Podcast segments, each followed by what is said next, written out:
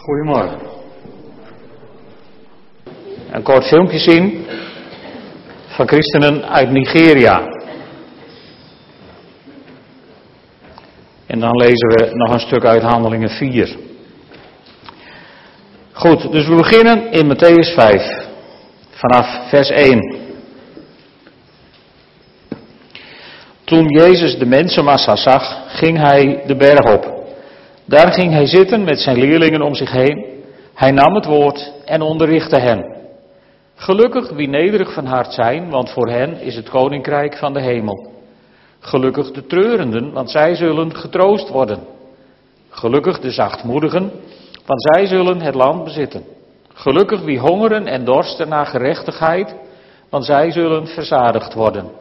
Gelukkig de barmhartigen, want zij zullen barmhartigheid ondervinden. Gelukkig wie zuiver van hart zijn, want zij zullen God zien. Gelukkig de vredestichters, want zij zullen kinderen van God genoemd worden.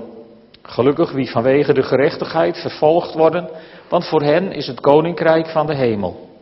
Gelukkig zijn jullie wanneer ze je omwille van mij uitschelden, vervolgen en van allerlei kwaad betichten. Verheug je en juich, want je zult rijkelijk worden beloond in de hemel. Zo immers vervolgden ze voor jullie de profeten. Jullie zijn het zout van de aarde. Maar als het zout zijn smaak verliest, hoe kan het dan weer zout gemaakt worden? Het dient nergens meer voor, het wordt weggegooid en vertrapt. Jullie zijn het licht in de wereld. Een stad die bovenop een berg ligt, kan niet verborgen blijven. Men steekt ook geen lamp aan om hem vervolgens onder een korenmaat weg te zetten. Nee, men zet hem op een standaard, zodat hij licht geeft voor ieder die in huis is. Zo moet jullie licht schijnen voor de mensen, opdat ze jullie goede daden zien en eer bewijzen aan jullie Vader in de hemel. Handelingen 4, vers 7. Nadat ze Petrus en Johannes in het midden hadden doen plaatsnemen, begonnen ze met het verhoor met de vraag door welke kracht of in wiens naam hebt u die daad verricht? Petrus antwoordde, vervuld van de Heilige Geest, leiders van het volk en oudsten. Nu wij vandaag worden verhoord omdat we een zieke hebben geholpen en nu ons wordt gevraagd hoe het komt dat hij is genezen, dient u allen en het hele volk van Israël te weten dat deze man hier gezond voor u staat, dankzij de naam van Jezus Christus uit Nazareth, die door u gekruisigd is, maar die door God uit de dood is opgewekt.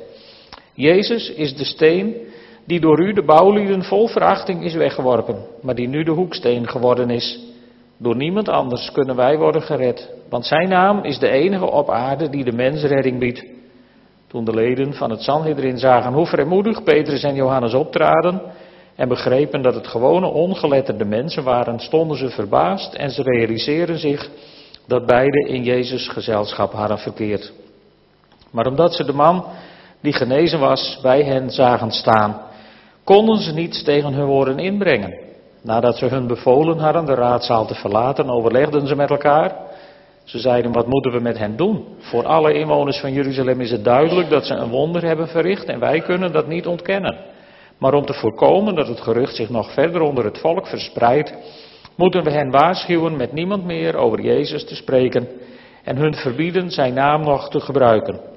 Ze riepen hen terug en bevalen hun de naam van Jezus op geen enkele manier meer te gebruiken en het volk niet meer over hem te onderwijzen.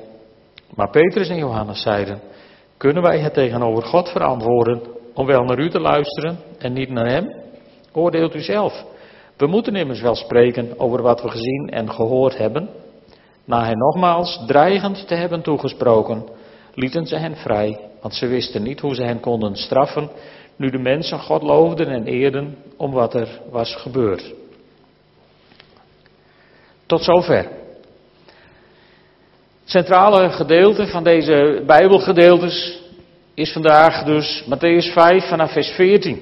En dat begint met: Jullie zijn het licht in de wereld.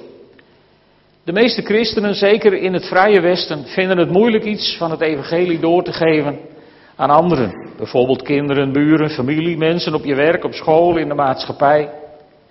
En tegen die achtergrond klinken dan deze, deze bijzondere woorden.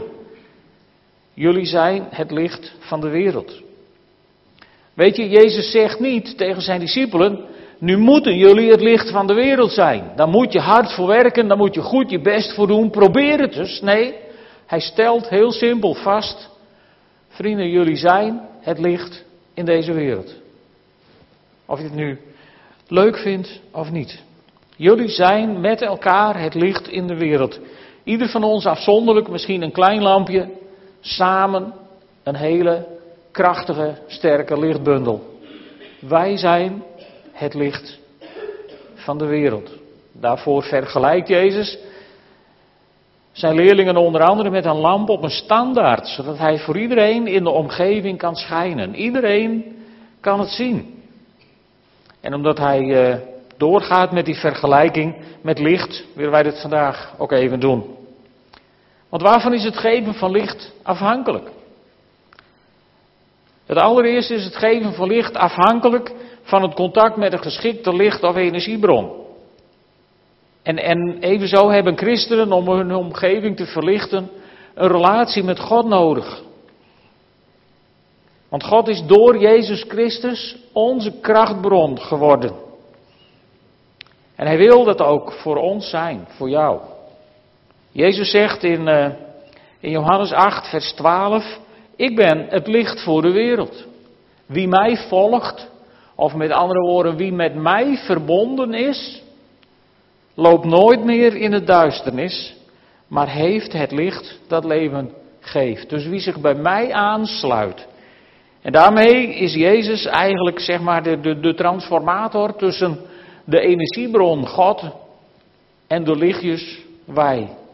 Jezus daartussen. En als wij met Jezus verbonden blijven, dan zijn wij het licht van de wereld. Dan vinden we daardoor de inspiratie en de kracht.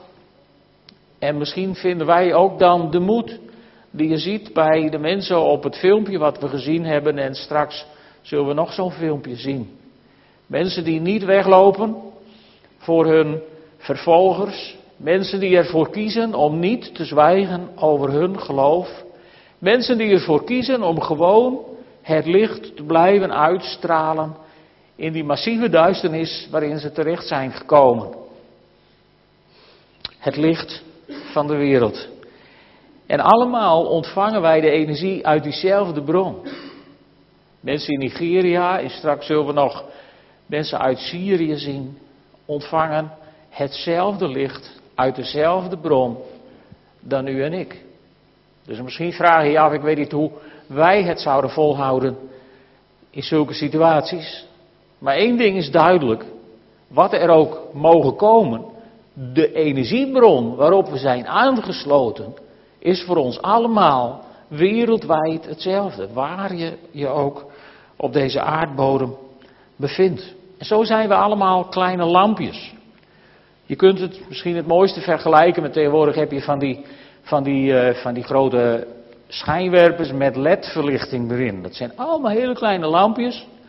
Maar als ze allemaal met z'n allen aangaan, met een goede spiegel erachter, dan heb je toch een krachtige straal licht, een krachtige schijnwerper. Misschien zo'n lamp lijkt wel wat op een gemeente, dacht ik van de week. Maar ik had geen zin om hem van de muur te schroeven om hem even voor jullie mee te nemen. Ja, dus kom maar eens kijken als je zin hebt. Goed, het gaat er dus niet om hoe groot of hoe klein onze individuele capaciteit is. Waar het om gaat is dat we samen als gemeente van God het licht van de wereld zijn. En in de gemeente is het veilig, tenminste hier nog. En in de gemeente kun je elkaar terzijde staan en kun je elkaar tot een hand en een voet zijn. En, en daarbij is het belangrijk dat dat licht zichtbaar wordt. Jezus heeft erover, je zet een lamp niet onder een korenmaat. Met andere woorden, je verstopt hem niet. Dus de onzalige ideeën van sommige mensen in onze regering, dat je best teruggestuurd kunt worden, bijvoorbeeld naar Iran als christen, als je daar maar je mond houdt en heel verborgen christen bent, dat is bijbels gezien gewoon Gods onmogelijke zaak. Want je stopt een licht niet onder een korenmaat. Een licht staat op de standaard, of dat nou wil of niet. En, en een licht is in de duisternis gewoon zichtbaar, of je dat nou wilt of niet. Daar hoef je geen megalicht voor te zijn. Als het pikken nacht ergens is en je doet even een lucifer aan, dan heb je al voor je gevoel een zee van licht. Dan kan een kaarsje al een wonder verrichten. En dat heb je vast allemaal wel eens gezien. Dus je hoeft niet een mega schijnwerper te zijn. Maar je kunt licht ook niet verbergen. Daarom is het ook niet, niet goed dat je als christen probeert zo neutraal mogelijk te zijn of maar te zwijgen over je geloof omwille van de vrede. Het is niet goed om, om je geloof te verbergen. Het is ook niet goed om je geloof te verstoppen onder, onder een laag van zonde en ongerechtigheden, waardoor je licht niet meer schijnt zoals het moet schijnen. Dat licht mag niet verstopt zijn, zegt Jezus. Nergens onder. Het moet schijnen voor de mensen. En, en, en dan zegt Jezus, dat zegt Jezus dus ook. Hè? Jullie zijn het licht van de wereld. En dan zegt hij, laat je licht schijnen. Met andere woorden, en dat is het eigenlijk de titel van de preek vandaag, laat zien wie je mag zijn. Het is een voorrecht en, en je proeft dat op die filmpjes die je ziet. Dat mensen het bijna als een voorrecht ervaren om christen te mogen zijn. Je kunt het je amper voorstellen als het zo dicht bij je leven komt, zo fysiek dichtbij, dat je het nog als een voorrecht ziet om een afgezant van Jezus Christus te mogen zijn op deze wereld. Heel bijzonder, maar dat is de kracht van de geest van God. Waar we vorige week bij stil hebben gestaan, dat die is uitgestort over deze wereld. Die geest van God maakte van mensen bijzondere wezens. Net zo goed als hij van de discipelen die we in Handelingen 4 hebben gezien, bijzondere mensen maakten. Die zich niet meer lieten intimideren door de fariseeën, door de schriftgeleerden, door de leiders van het volk. En die gewoon ijskoud durfden te zeggen van moeten we jullie nou meer gehoorzamen dan God? Nou, je moet het maar durven. Het had ze ogenblikkelijk de kop konden kosten en het was dat de leiders niet durfden. Maar anders was dat het einde van hun carrière geweest. Ze durfden het te zeggen. En, en, en het bijzondere is dat mensen zagen dat ze in de nabijheid van Jezus waren geweest. Zien, zien, ze dat, zien ze dat ook aan ons? Vraag ik me dan vaak af. Zouden ze aan mij en aan u zien dat we in de nabijheid van Jezus zijn geweest? Of, of zijn we dat misschien de afgelopen week niet geweest? Dat zou ook zomaar nog kunnen natuurlijk. Maar dan kun je op die filmpjes zien en van deze mensen leren. Zij zijn dagelijks heel dicht bij de Heer Jezus. Om vol te houden. En ze roepen ons op om voor hen te bidden. Het is toch opvallend dat mensen die alles ontbreekt, zeg maar, alle fundamentele levensbehoeften bijna ontbreken ze. En dan zeggen ze nou, met geld word ik niet tevreden, van kleding word ik niet tevreden, van dit word ik niet tevreden, van dat word ik niet tevreden, maar als jullie voor me bidden, dan is het goed.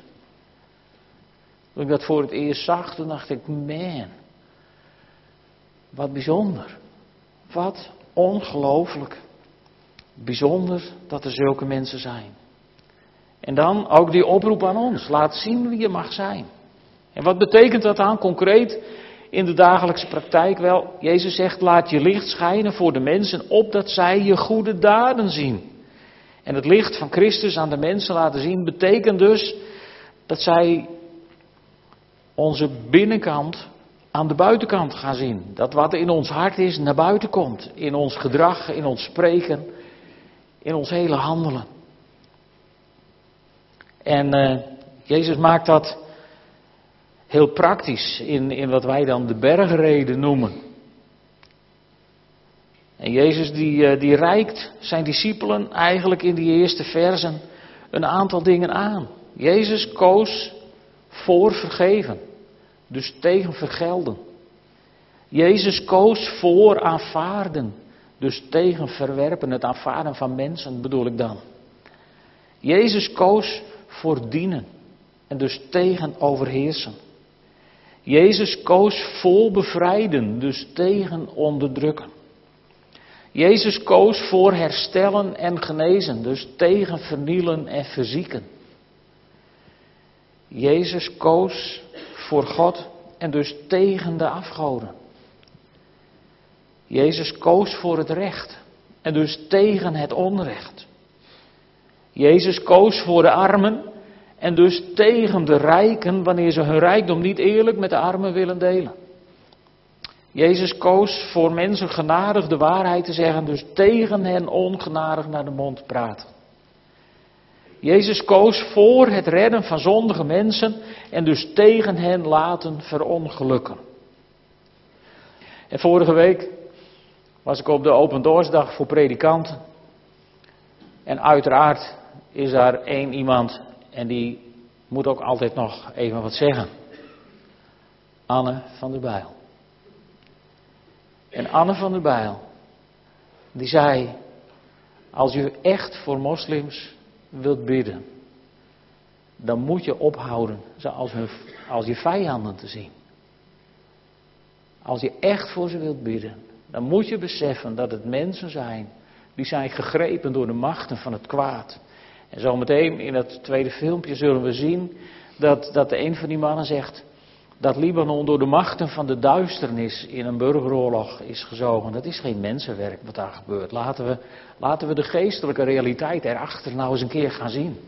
Met elkaar. Mensen die door de machten van de duisternis nou bijna in de hel terecht zijn gekomen, verdienen ons gebed. Ongeacht of ze nu christen zijn of moslim. Er wordt onnoemelijk geleden. En weet je, al deze concrete dingen die Jezus opnoemt in de bergreden, die, die zijn eigenlijk een nadere uitwerking van het werkwoord liefhebben. God liefhebben boven alles en je naaste als jezelf.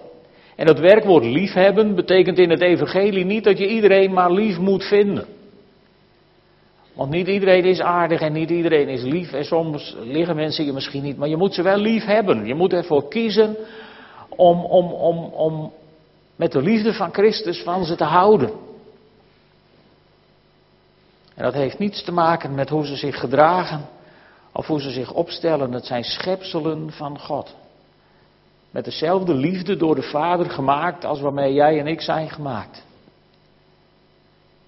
En wel nu, christenen die zijn geroepen om dit liefhebben, die krijgen de kracht van God door de Heilige Geest om daar ook in te leven.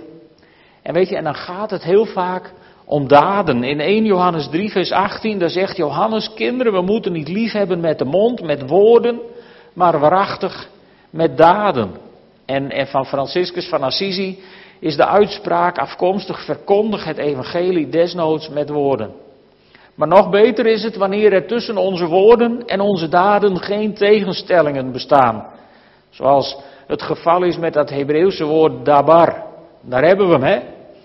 Het Hebreeuwse woord dabar, wat betekent woord, maar ook daad. Het betekent het woord wat geleefd wordt, het woord wat gedaan wordt. En, en dan was Jezus iemand die zegt wat hij doet en doet wat hij zegt. Een groot voorbeeld voor ons. Om, om zo te leven. Om zo te leven dat er geen tegenstellingen zijn tussen wat je doet en wat je zegt of andersom.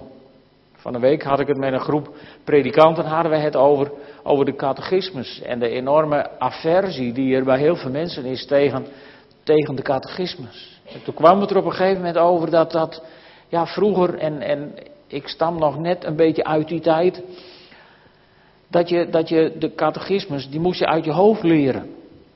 Dat je als kind de helft van die oud-Nederlandse tekst niet snapte, dat deed er niet toe. Als je het maar kon opzeggen. En als je er van maandag tot en met zaterdag niet naar leefde, was niet relevant als je het maar uit je hoofd kende. Nou is dat zwaar gechargeerd, want heel veel mensen leefden er natuurlijk wel degelijk naar. Maar die uitwassen die daarin zijn geweest, hebben voor heel veel aversie gezorgd tegen dit soort geschriften. Maar ja, dan zou je net zoveel aversie tegen de Bijbel kunnen hebben. Want hoeveel mensen kunnen je niet eindeloos Bijbelteksten citeren zonder, zonder ernaar te leven?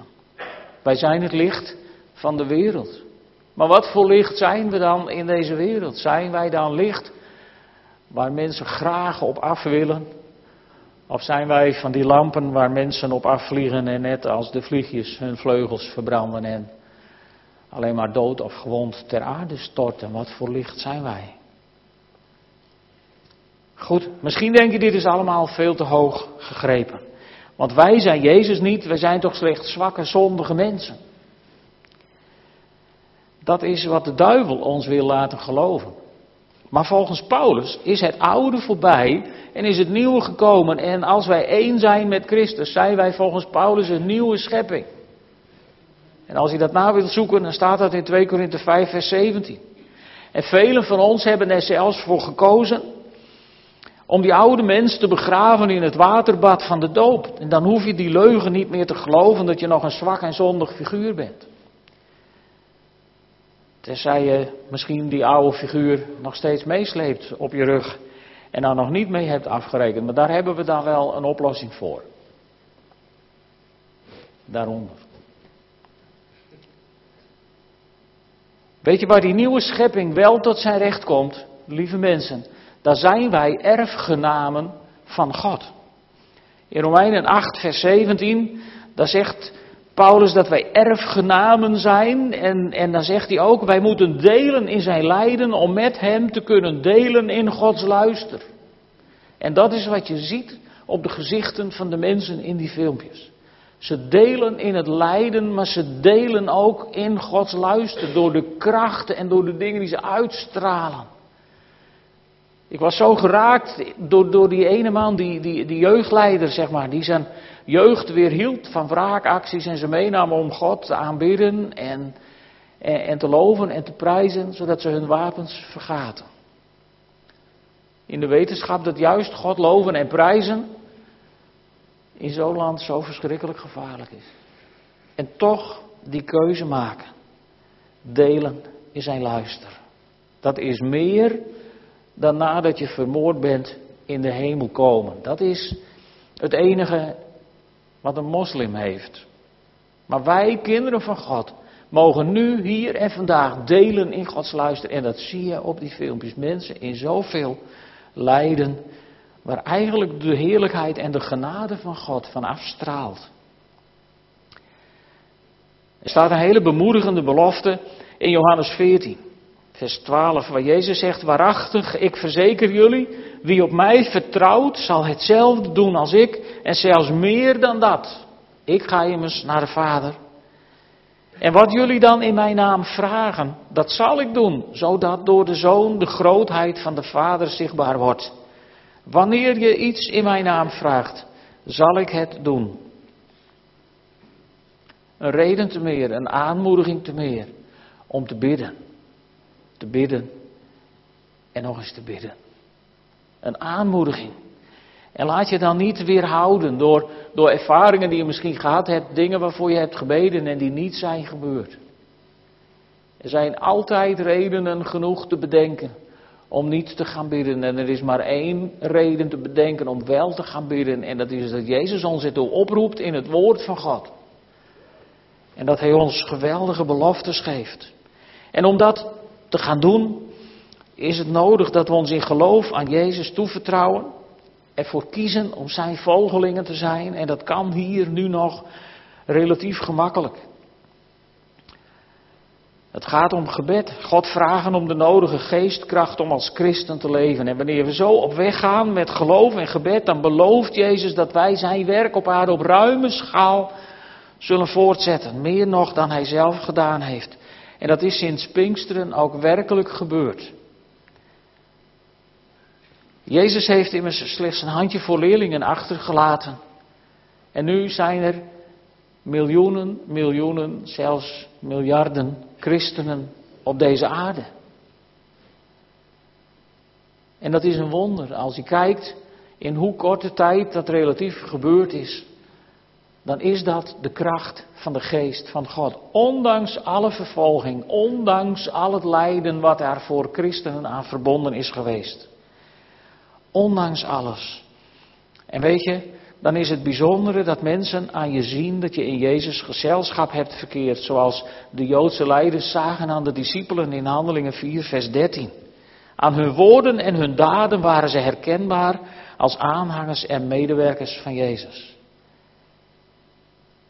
En aan dit eh, goede gedrag in dit leven in de geest van Jezus zullen de mensen God herkennen als onze hemelse, liefdevolle, zorgzame Vader, aan wie wij onze inspiratie ook te danken hebben, net als de mensen in dat filmpje. En ik wil nu met jullie even kijken. naar nog zo'n klein stukje over christenen in Syrië. Ik weet niet of jullie net zo onder de indruk zijn als ik, maar je zou in zo'n land, in zo'n situatie toch denken van nou, doe mij maar een korenmaatje, dan gaan we daar voorlopig even onder zitten. En deze mensen verblijden zich in de kansen die het evangelie heeft. De kerk gaat helderder schijnen dan ooit tevoren. En daardoor ben je nog beter vindbaar voor je vijanden, maar het weerhoudt ze niet om de dingen te doen die ze doen. Laat zien wie je mag zijn. Christenen in landen waar dat van de wereldse overheid niet mag, die lijken dat bijna makkelijker te doen dan wij. En misschien zijn ze wel fanatiek in onze ogen. Nog één keer Anne van der Bijl. Hij zei vorige week, ze noemen mij vaak een fanatiekeling. En toen zei hij, het is makkelijker een fanatiekeling een beetje af te koelen dan een lijk op te warmen. Dat zijn van die nadenkertjes waar je dan als kerk in het Westen je huiswerk mee kunt doen. Twee filmpjes hebben we gezien. Er is natuurlijk nog veel meer over te zeggen en over te bedenken. Maar ik stel voor dat wij gaan bidden voor onze broeders en zusters in de verdrukking. En dat we bovenal, ook in onze eigen situatie en in ons eigen land, in hun voetsporen gaan treden. Ook als dat consequenties heeft. Zullen we tijd nemen om te bidden? Neem de vrijmoedigheid, spreek het uit, roep het uit naar God. Voor mensen die zo in de verdrukking zitten. Ik zal het straks afsluiten.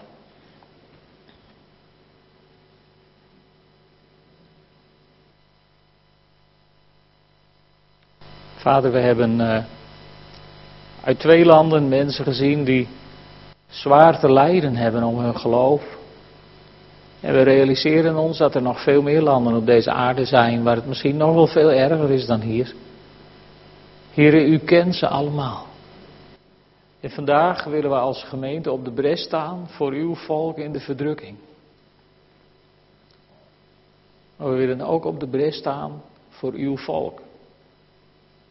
Waarvoor zoveel verdrukking dreigt. Heer, in zoveel landen waar momenteel christenen zwaar worden vervolgd, zijn het moslim-extremisten met maar één doel: uiteindelijk uw volk uitroeien van deze aardbodem. Heer, en ik beleid dat ze daarmee hun ondergang hebben verzegeld. Want u laat uw volk niet uitroeien van deze aarde. Maar heren, we zien het. We zien het in, in, in Syrië, we zien het in Irak, we zien het in Afghanistan. Heren, we zien, we zien volgelingen van de islam die elkaar massaal uitmoorden.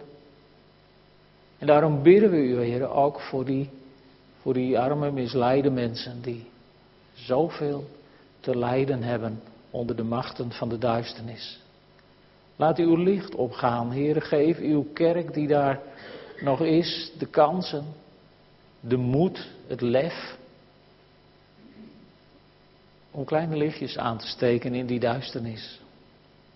Heer, en ook organisaties die dat via televisie en radio Probeer, Heere, zegent u dat werk.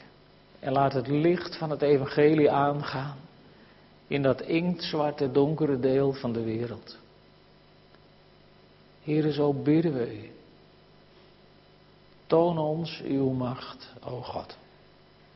En zo zegenen we onze broeders en zusters in de verdrukking. Wij zegenen ze in de naam van de Vader, in de naam van de Zoon en in de naam van de Heilige Geest. Halleluja. Amen.